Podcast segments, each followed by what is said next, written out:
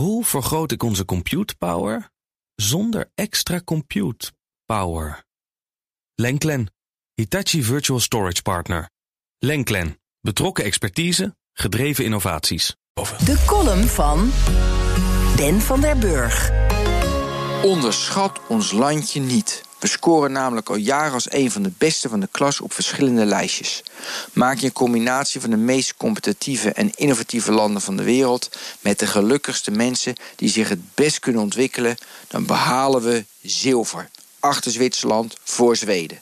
Op het vlak van het aantal coronabesmettingen scoren we eveneens hoog. Onze ambitie reikt echter verder.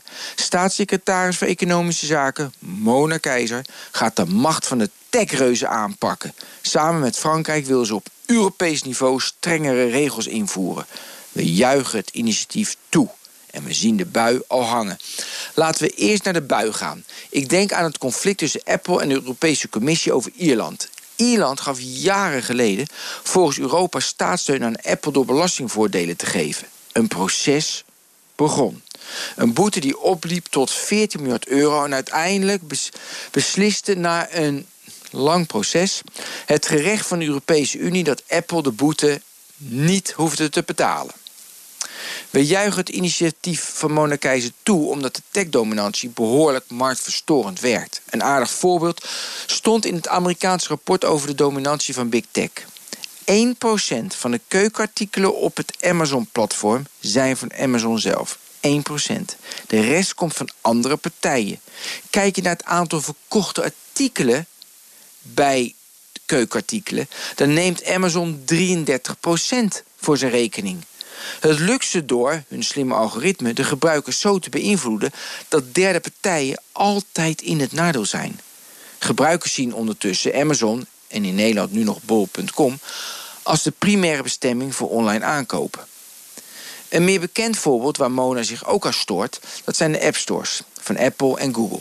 Je zal Spotify zijn en je concurreert met Apple Music. Je zou Epic Games zijn, Fortnite maken en uit de Apple en Google App Stores gegooid worden. Je zal TomTom Tom zijn. Op de mobiel heb je er niets meer te zoeken.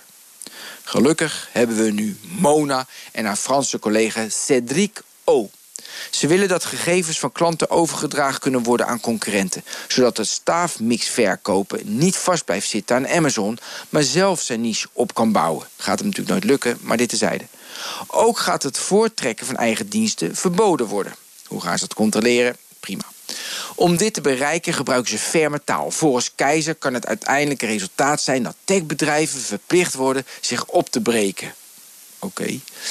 Nu moet je niet gaan lachen en denken dat gaat Mona natuurlijk nooit lukken. Geloof maar liever in het initiatief. Het is gewoon weer een mini-stapje in het breken van de techmacht. Opdat wij allen ons kunnen ontdoen van alwetende algoritmen en weer vrij worden.